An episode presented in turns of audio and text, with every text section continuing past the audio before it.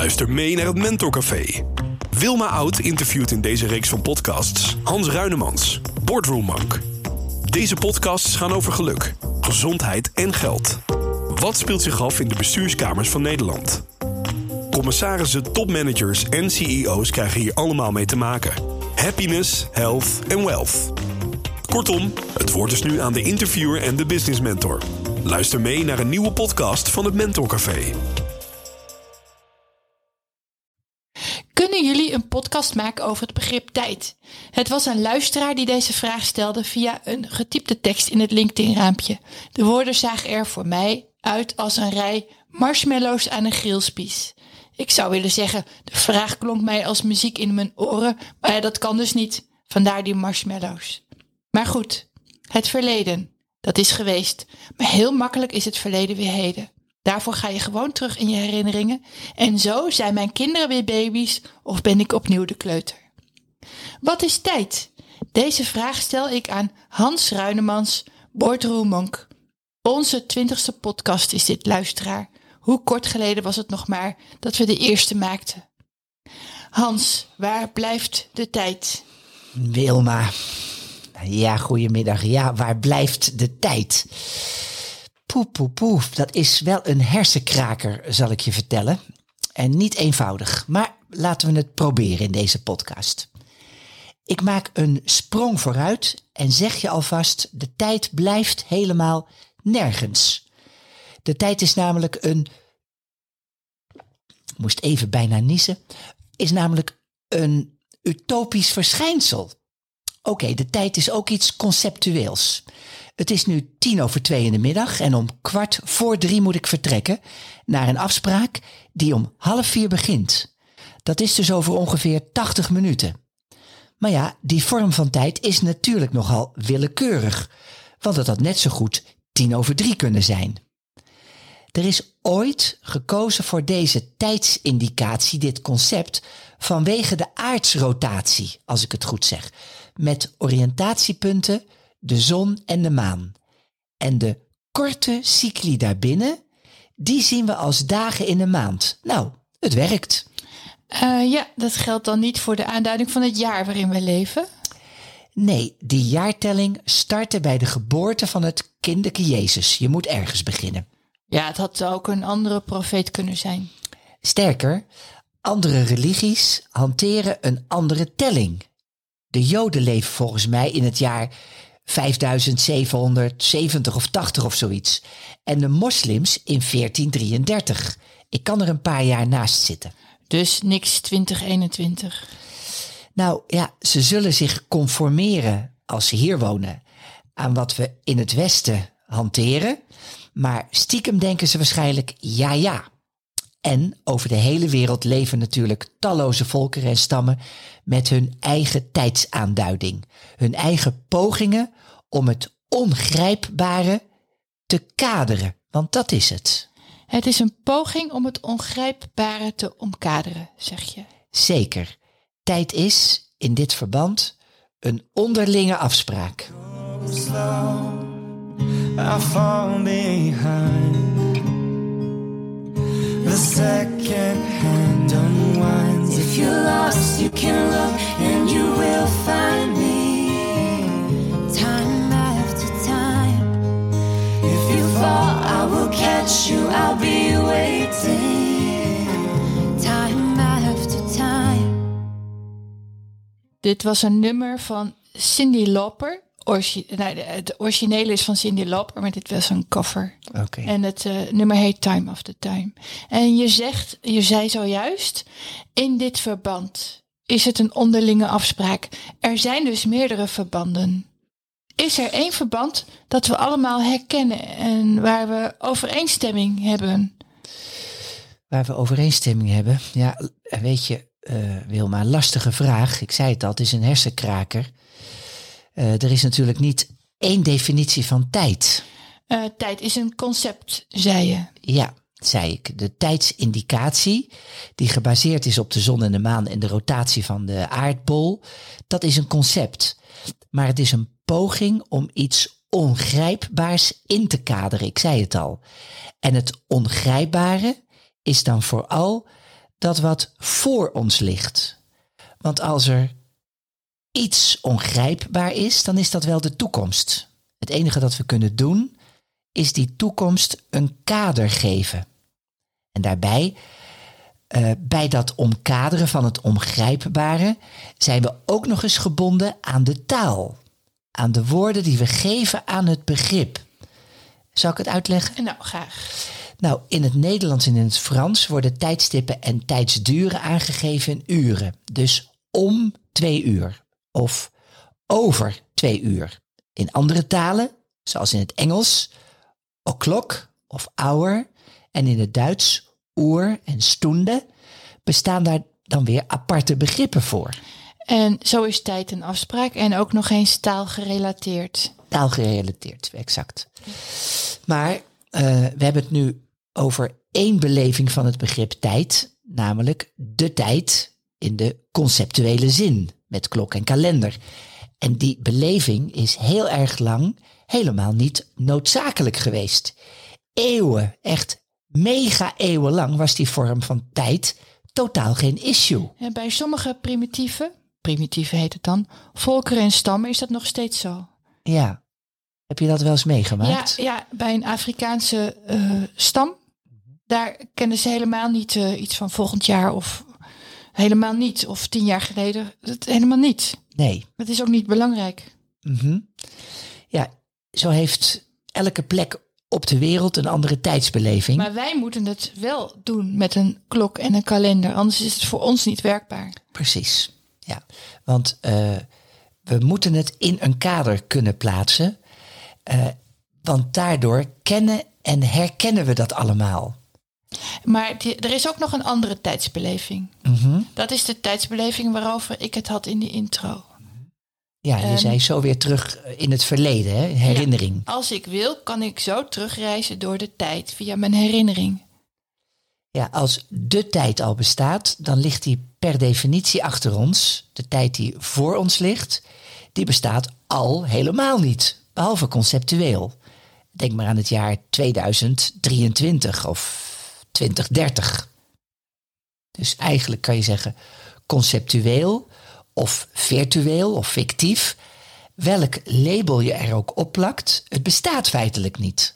Dat wat voor ons ligt, dat is totaal ongewis. En nou, wat achter ons ligt, dat bestaat ook niet.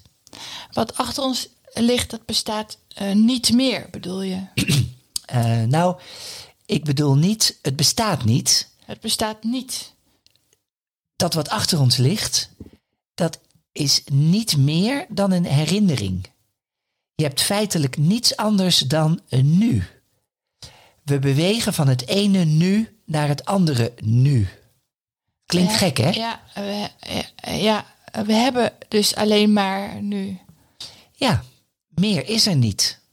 Dat wat achter ons ligt, dat is verdwenen, dat is geweest. Dat wat voor ons ligt, dat is er nog niet. En voor je beeldvorming, de meeste mensen stellen zich hun leven voor als een tijdsbalk. Links start het leven, hè, bij de geboorte. En ergens rechts is het einde, zo'n beetje waar je het verwacht, rond je tachtigste, negentigste. Ja, ik zie hem. Oké, okay, en ergens voorbij de helft van die tijdbalk, daar bevinden wij ons nu. Uh, ja, ik heb een beeld. In werkelijkheid is er helemaal geen tijdsbalk.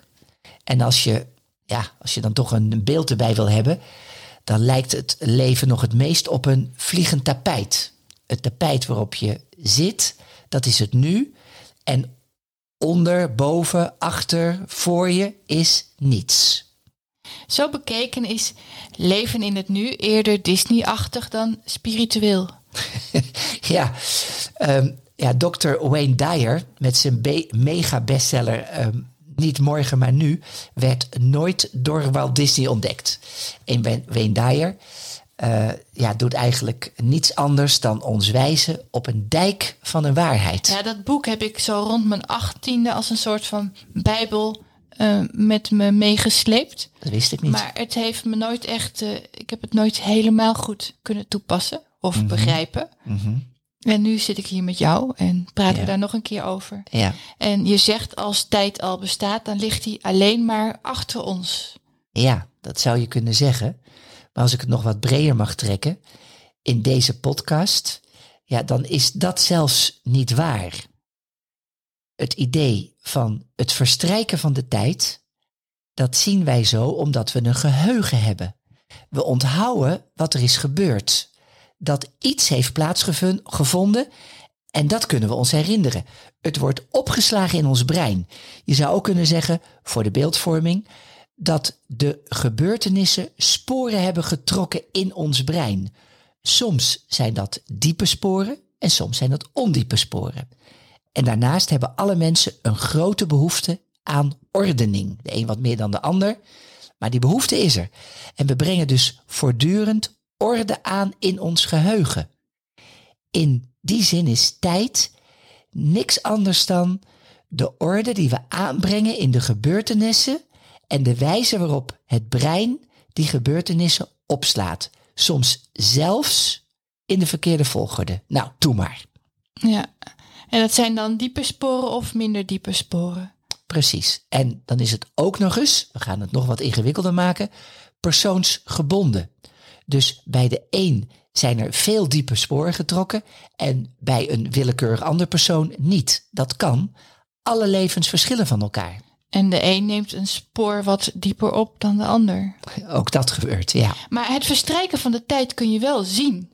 Jazeker, je kunt dat zien. Die sporen in het brein, die zijn onzichtbaar. Maar het zijn niet je enige sporen. Je ziet het aan jezelf, aan je bestaan. Je ziet dat je geleefd hebt. Die sporen zitten op en in je lichaam. Je ziet het aan je omgeving. Je huis, je bezitting, je gezin, je familie. Het zijn allemaal sporen van dat wat gebeurd is. En in het grotere geheel, in de wereld, op aarde, zie je dat ook. Ja, ontbossing, uh, verandering van het landschap, industrialisering. Zeker. Time lives our lives walk side by side with us.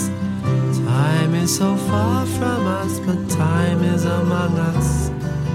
Time is ahead of us, above and below us, is standing beside us and looking down on us.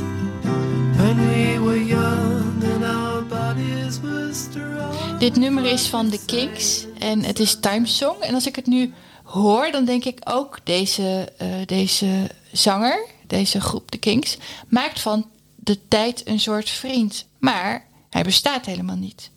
Uh, we, we bedenken maar een vriendfiguur ervan.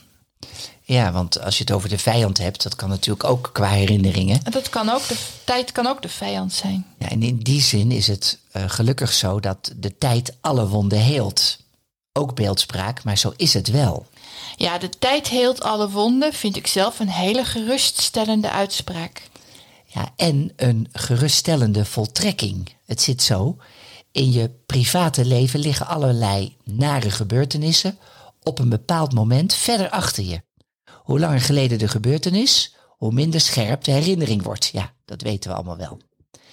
Daarmee verdwijnt ook een deel van de pijn. De sporen worden langzaamaan uitgewist. Je brein heeft het geprocessed verwerkt. Of de sporen worden minder diep, de scherpe randjes gaan er vanaf. En er komen natuurlijk nieuwe herinneringen bij die de oude verdringen. En in het groot, er ontstaat een nieuw landschap. Juist. En ja, als je kijkt naar een mondiale gebeurtenis, uh, kijk bijvoorbeeld zo nu, zoals nu met de pandemie, dan zullen ook deze sporen verdwijnen, net zoals vroeger gebeurde met de pest. En dan zal de pandemie worden bijgeschreven in de geschiedenisboekjes. De sporen verdwijnen en wat blijft is de geschiedschrijving. Is tijd een mysterie? Nou, ik ben blij dat er net even een muziekje doorheen kwam om mijn gedachten een beetje te ordenen. Maar tja, uh, een mysterie is alles dat we niet begrijpen. Zodra we het begrijpen, is het geen mysterie meer. Ik zei al dat we alleen maar nu hebben. Het nu.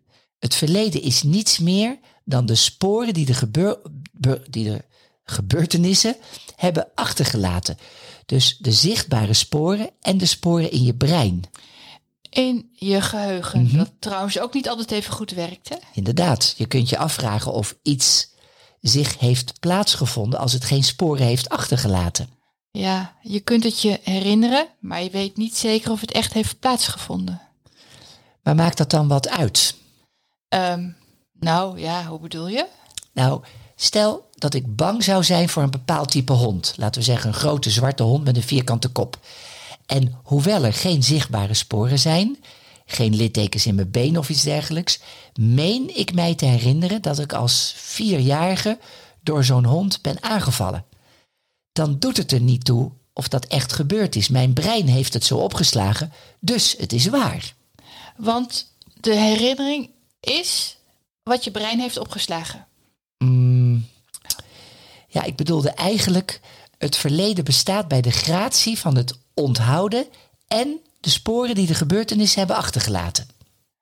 Los van de conceptuele vorm uh, van tijd, de klok en de kalender, kunnen we de tijd niet zien. Het enige dat we kunnen zien zijn de sporen van de gebeurtenissen. De rest speelt zich af in het brein, letterlijk als waarneming. Daarnaast is tijd natuurlijk ook een wiskundig gegeven. Je vertrekt van A, je arriveert bij B. Hoe lang duurt het traject? Maar ook, hoe lang duurde het nou in jouw beleving? Daar, in die waarneming, kan een botsing plaatsvinden. Heel interessant. Vertel eens iets over die botsing. Nou, tijd is waarneming. Hoewel we op de klok kunnen kijken hoe lang iets heeft geduurd, sleept de tijd zich voort als een gebeurtenis vervelend of heel naar was. Ja? Ja, de tijd gaat traag voorbij. Ook dat is zo, hè? Als je jong bent en het gaat razendsnel bij het ouder worden. Mhm. Ja, dat kennen we allemaal. En het heeft uh, te maken met de werking van het brein. Waarschijnlijk komt het doordat er meer is opgeslagen of omdat het sneller verwerkt wordt in het brein. Maar ja, daar weet ik wat te weinig van. Er zijn allerlei onderzoeken die wijzen wel op iets dergelijks. Tijd is een waarneming. Een ouder brein heeft meer opgeslagen waarnemingen. De waarnemingen, de herinneringen worden in volgorde van belangrijkheid steeds opnieuw geordend. Zonder zichtbare sporen bestaat het verleden echt alleen nog maar in je brains, in je brein. Ja. En, uh, en dan heb je ook nog zo, is het ook nog eens zo dat op een bepaald moment je vertrouwde bronnen er niet meer zijn. Je weet dan bijvoorbeeld niet meer met wie je speelde als kind. Ik zou op de kleuterschool, ik zou het echt niet meer weten. En je ouders leven niet meer om het je te vertellen. Wat is dan nog waar? Maar ja, wat mhm. maakt het uit? Nou ja, je bent ook nog eens bezig met het vervormen van je waarnemingen. Ja, ik word in de familie steeds herinnerd aan een, een gebeurtenis die plaatsvond toen ik een jaar of vijf was, terwijl ik mij een andere leeftijd herinner. Uh, vertel. Uh, nou, het gaat over een logeerpartijtje bij mijn tante. En volgens de tante weigerde ik uh, worteltjes te eten en probeerde ze mij die te voeren. En in mijn waarneming, als dat het woord is, waarneming, was ik de leeftijd van worteltjes voeren en worteltjes weigeren al lang voorbij. Ja, je was altijd voorlijk, dus dat kan. Het kan ook zijn dat je bijvoorbeeld twee logeerpartijen door elkaar haalt. Oh ja, dat zou ook nog kunnen. Weet je bijvoorbeeld hoe lang die logeerpartij was? Nou ja, ik denk een lang weekend, maar het kan ook een week geweest zijn. Dat weet ik niet. Ik kan me het wegbrengen herinneren en het ophalen ook. Nou, in de tijdsbeleving spelen het begrip het verloop en het einde ook een rol. Je weet eigenlijk niet hoe lang of hoe kort iets was, maar de beleving van de duur is gekoppeld aan het verloop. Ja, lekker. En daardoor beleef je een gebeurtenis in de duur anders dan het waarschijnlijk was. Langer of juist korter. Ja, het is inderdaad een hersenkraker, dus als je dat nog even kan uitleggen. Ik was al bang dat je dat zou zeggen. Nou, uh, bijvoorbeeld, ik zit in een luchtballon. Ik neem waar dat hij opstijgt. Ik neem waar dat we een hele tijd rondvliegen. Ik neem weilanden en bossen waar. Ik zie een groot water. Ondertussen krijg ik het koud. Ik heb er wel genoeg van. En op het eind landen we in een weiland. Later zal ik mij herinneren dat het een urenlange vlucht was. Los van, ja, uh, of het nou uh, vijf uur was of zeven uur was. Dus er is sprake van een botsing van tijdsbeleving. Als mijn tijdsbeleving niet klopt met de gemeten tijd, ja, dan heb je een probleem. En ik moet je zeggen dat ik daar zelf regelmatig last van heb. Bijvoorbeeld in sessies met mijn klanten. Ik kan er bijvoorbeeld volledig van overtuigd zijn dat we twee uur gepraat hebben, terwijl dat volgens mijn Apple Watch dan drieënhalf uur is geweest. Nou, het is paradoxaal dat ik het over tijd heb, terwijl ik ook zeg dat tijd niet bestaat. En dat paradoxale, let op, zit hem dan in de botsende tijdsbeleving. Ik praat met mijn cliënt, feitelijk heb ik daar geen enkele tijdsbeleving bij. En als ik er dan toch een tijd bij zoek, dan kom ik op een om- omkadering van twee uur. De werkelijke duur, die zie ik op mijn horloge. Maar het, het kan voelen, wat ik net zei, hè, als 3,5 uur. Welke tijd is dan de juiste? Ja, Ja. Die, die- ja. zeg Ja. maar. Ja, ja en je zou denken van je horloge, maar Ja. dat, dat, ja, dat is dus niet zo. Niet altijd, want tijd bestaat niet. Nee, en, en ik zou dan zeggen, de gevoelsbeleving van die tijd, die is, ja, is die niet juister? Het is ook, dat is de beleving die je zult herinneren. Dus Ja. je denkt over een jaar, ik heb toen 3,5 uur of zo met deze persoon gepraat. Ja, En eh, je kan dan, ja, nou goed, dat is dan wat je zult. En dan is dat dus ook op den duur de juiste, want zo zit het in je herinnering. intrigerend hè? Ja, en, maar wat ik vooral heel intrigerend vind, is dat je zegt dat het verleden niet bestaat. Nee, dat bestaat feitelijk niet. Het was. Het heeft sporen nagelaten. En in de eerste plaats, zoals we al een paar keer zeiden, in je brein. Diepe sporen of minder diepe. En als ze diep zijn, dan bestaat er een grote kans dat ze in de loop van de tijd vervagen. In de tweede plaats zie je die sporen in je fysieke bestaan.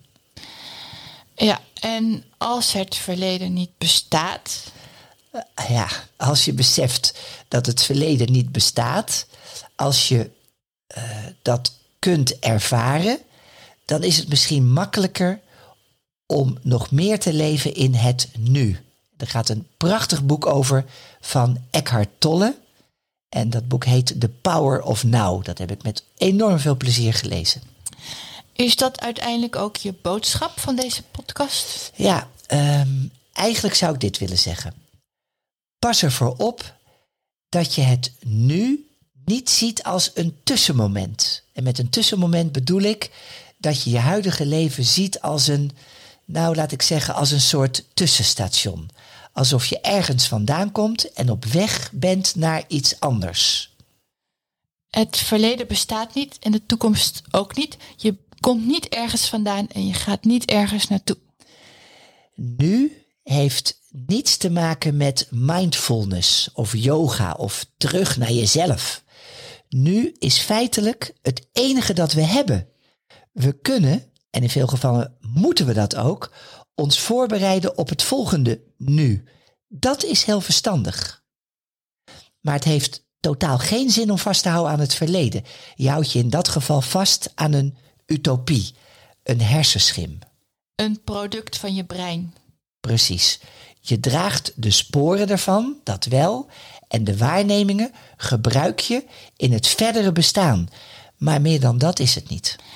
Ja, ik vind het een hele zware boodschap. Ik moet er echt over nadenken. Het zet me ook wel op een heel ander been. Want ik begrijp nu van jou dat het verleden er niet is en de toekomst ook niet. Gek hè? Ja, maar ik vraag me ook af of je niet weg moet inmiddels. Even concreet hè? Ja, Ja, het klopt. Het is tijd voor mijn afspraak. Het is tijd. Nou, je weet helemaal niet of die zal plaatsvinden.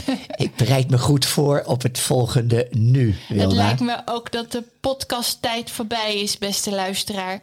We vonden het super dat je er was. Ik hoop dat je ehm, niet, net zoals ik, totaal van slag bent. En eh, ik hoop dat vooral dat we je de volgende keer opnieuw ontmoeten. Trouwens, je doet ons een groot plezier als je je abonneert op het Mentor Café. En laat vooral een bericht voor ons achter. Dan worden we beter gevonden in Google. Tot de volgende keer, hopelijk. Je weet maar nooit.